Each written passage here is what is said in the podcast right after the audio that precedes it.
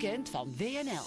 Mark Koster die is wel gewoon gaan kijken naar de kranten en de socials. En heeft gedacht, hey, wat is het nieuws van dit Ja. weekend waar we niet omheen kunnen. Nou, eh, eh, het is het weekend waarin eh, eh, kranten elkaar een beetje de maat nemen.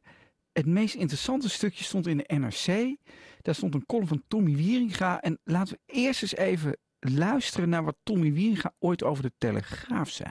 Tegelijkertijd is er vannacht een brandende auto binnengereden in het pand van de Telegraaf. Ja. Nou, dat werd, dat werd tijd. Ehm, Oké.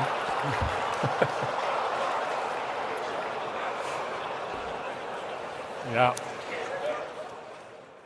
Dat Ja. werd tijd. Ja, dat was een, een, een, een grap waar heel veel woede over was. Er was heel veel woede over. Ehm, eh, we horen hier ook Twan Huis daar een beetje meelachen. Daar werd ook weer met een beetje smalend over gesproken, want dat mocht allemaal niet. Ehm, wat interessant is, is dat Tommy Wieringa, dat hij bij eh, het Stan Huygens-journaal eh, eh, aanwezig was, maar dat het Stan Huygens-journaal van de Telegraaf hem uit het Stan Huygens-journaal heeft gestreept.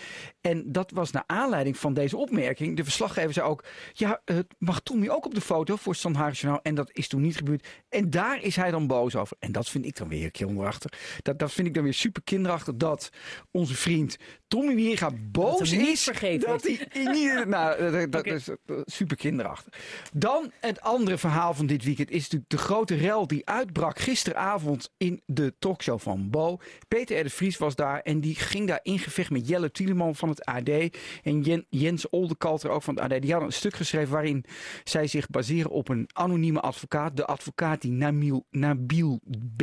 st- bijstaat. De kroongetuigen. De Ehm, en die vindt dat, ja, hij, dat, dat hij er eigenlijk uit is gewerkt door Peter R. de Vries. Dat, is Dat ook was wel- heel erg een merkwaardige mededeling. Dat een advocaat, nota bene een waar, waar heel, heel de, de- het land eh, naar keek, ehm, dat eh, zei over Peter R. Maar het leuke is dat We hij... hebben hij hem aan de lijn. Ja, we hebben hem aan de En- lijn. En, en we moeten eigenlijk een beetje aan de nabeschouwing doen. Peter, ho- hoe gaat het nu met je na gisteren? Nou, met mij gaat het goed, eh, jongens. Eh, ik zie dat het eh, onderwerp bij jullie al meteen tot een cacophonie leidt nu. Maar waarom? nou, jullie spraken nogal door elkaar heen eh, allemaal. Dus, eh, maar eh, gewoon een grapje, Mark. Ja, begrijp ik. Nee, maar ik, het, het ontaarde gisteren een beetje. En, en wij zijn natuurlijk niet, niet van die macho's en van die criminele wortjes zoals als jij en Jelle en Jens. Ehm, wij, stel, wij hadden maar een paar hele domme vragen. Is het nou waar wat het AD beweert? Jij zegt van niet, zij zeggen van wel. We kwamen daar niet uit. Leg het nog eens even goed uit. Nou, wat het, eh, eh, het gaat er natuurlijk om dat, er, eh, dat, dat de kroongetuige een advocaat heeft gehad die altijd anoniem is gebleven. En ehm, die op een gegeven moment door de kroongetuige aan de kant is gezet. Om, nou ja, dat hij vond dat zijn belangen niet goed verdedigd werden. Toen die breuk daar was, en dan praten we over begin maart van dit jaar, ben ik aangezocht door een eh, familielid van de kroongetuige met de vraag: eh, zou jij bereid zijn om met de kroongetuige te praten, want hij zou graag eh, door jou worden bijgestaan? Ik heb toen gezegd, nou ja, ik wil daar best wel eens over praten, maar dat is iets wat ik persoonlijk van de kroongetuige moet horen. Maar hoezo dan? Want, want Peter een- R., je bent toch geen, geen advocaat? Nee, maar ik ben wel iemand die al eh, diverse malen in andere zaken vertrouwenspersoon is geweest van mensen die eh, te maken hebben gehad met eh, zware criminaliteit, moorden, verdwenen. Nee, verdwenen zeker. Een zeer, goede, eh, een zeer goede journalist, maar geen advocaat. En eh, wat, Nee, zo, nou, nou, wat, wat, wat nee, het tegenovergestelde nou, nou, is. Nee, maar even, dat wil ik even weten. Want het grote Nee, maar- verschil is dat deze advocaat zegt nu: nee, de breuk is gekomen door Peter R. de Vries. Zegt hij vandaag in de krant.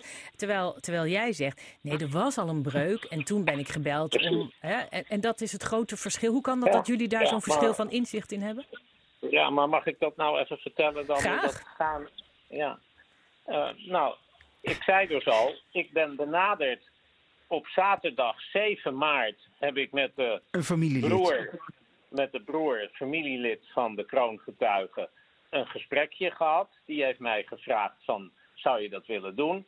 zou je met hem daarover willen praten? Ja, laat me nou even uitstellen. Toen heb ik gezegd, dat wil ik wel doen, maar ik wil het pers eerst persoonlijk van de kroongetuigen zelf horen. Want iedereen kan mij wel benaderen met een voorstel of een verzoek. Nou. Wat gebeurt er? In de dagen daarna, op donderdag 12 maart, publiceerde de Telegraaf het bericht, het nieuwsbericht, het primeurtje, dat er een breuk was tussen de advocaat, tussen de anonieme advocaat en de kroongetuigen. En dat die twee dus uit elkaar waren. En pas een dag later, op vrijdag 13 maart, heeft de kroongetuige naar ons kantoor gebeld. En toen de vraag uitgesproken: Peter, zou jij mij willen helpen? Ik heb dus niets met die breuk te maken gehad. Ik heb geen woord over de man gezegd. Er is niet aan mij gevraagd of ik met hem wilde samenwerken. Er is niet aan mij gevraagd wat ik van hem vond of wat ik van hem dacht. Nee, eh, de breuk was er al. En uh, pas toen ik uh, van hem persoonlijk het verzoek heb gekregen, heb ik gezegd: Nou, ik wil dat wel overwegen. Ik, ik, wil, ik ben nog niet klaar. Ik wil dat wel overwegen. Maar daarvoor is het wel nodig dat ik je persoonlijk kan bezoeken en in de ogen kan kijken. En dan neem ik pas een beslissing of ik iets voor jou kan doen. En dat heb ik ook op vrijdag 13 maart, diezelfde 13 maart, heb 13e. ik schriftelijk, schriftelijk aan het Openbaar Ministerie kenbaar Ja, gemaakt. nou, Oké, nou maar dan heb is je er nog mij- wat anders. Nou heb je mij vandaag een mailtje gestuurd met wat, wat, wat eh, ophelderingen erover. Je hebt het gisteren bij Bo ook al een beetje. Jij zegt dat die breuk ontstaan is vanwege seksuele gesprekken die die eh, de advocaat met deze kroongetuigen hebben gehad. Heb jij daar nog meer details over en wa- waar moet ik aan denken? Dat is mijn eerste ophelderingsvraag. Nou, het gaat niet zozeer om, om seksuele gesprekken, maar om seksuele uitspraken. Erotisch getinte uitspraken die de, die de raadsman heeft gedaan. En waar de Maar waarom deed hij dat, die raadsman? Nou ja, dat zal je aan hem moeten vragen. Het, eh, ik stel alleen maar vast dat- dat de kroongetuige stelt dat hij daar niet van gediend was. En eh, een andere reden was dat eh, de anonieme advocaat ook een anoniem interview aan de Telegraaf heeft gegeven. Waarin hij allerlei uitspraken heeft gedaan, onbezonnen uitspraken in de ogen van de kroongetuigen, waar hij niet achter kon staan. En waar die ook over in conflict is gekomen met de anonieme advocaat. Oké, maar dan is er nog iets anders, Peter R. de Vries. Eh, je hebt iets te maken gehad met een advocatenkantoor waar dan ook nog iemand werkt die Taghi kent. Dat is de grote eh, topcrimineel en daar is die Nabil B. eh, natuurlijk doodsbang voor, zou je denken. Eh, maar ehm, waarom dacht je niet, ik ga me niet in dit wespennest eh, bevinden... als je toch weet dat er een connectie is met jouw advocatenkantoor... Waar jij, waar, waar jij in ieder geval je zoon had werken, waar je mee bemoeienis had... en deze man. Ik zou denken eh, wegwezen, maar dat dacht jij niet. Nou, ik heb me teruggetrokken uit het advocatenkantoor.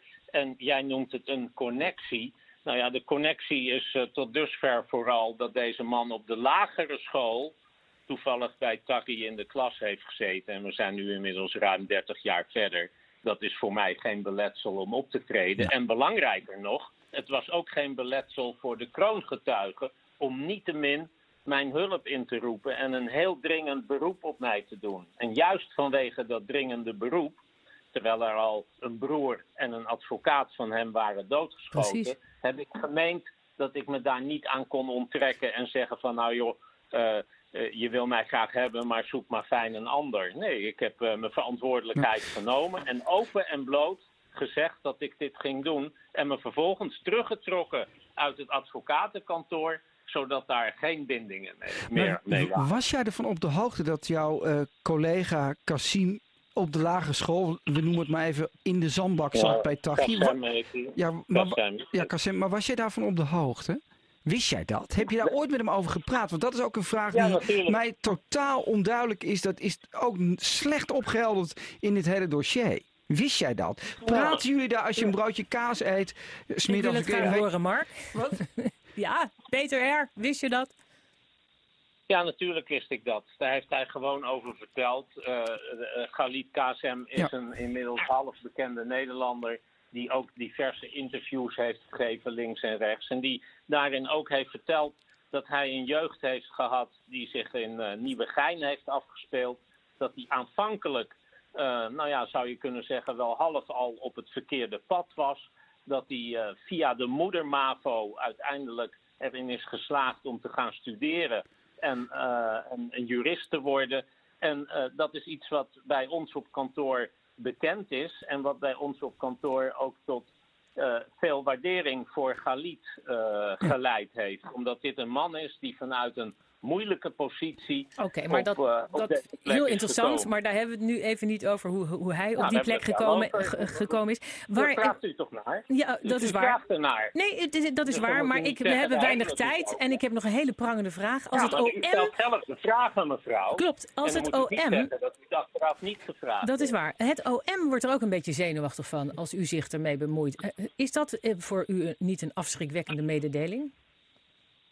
Nou, dat is niet zozeer afschrikwekkend. Het is bovendien zo dat het Openbaar Ministerie in eerste instantie dit volop heeft gefaciliteerd en er ook voor uh, heeft gezorgd dat ik op geheime plekken in het land diverse ontmoetingen met de kroongetuigen kon hebben om alles in het vat te gieten. En zij toen ook letterlijk hebben gezegd, we gaan er niet voor liggen.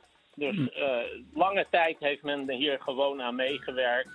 En uh, de draai van die het Openbaar Ministerie uiteindelijk heeft gemaakt, die is opmerkelijk. Oké, maar u bent blij dat u er nu de handen aftrekt? Nou, wie, hoe komt u erbij dat ik mijn handen eraf trek? Ik ben nog steeds de vertrouwenspersoon van de kroongetuigen. En als hij mij niet de laan uitstuurt, blijf ik dat. Hartelijk dank dat u wilde reageren, Peter de Vries.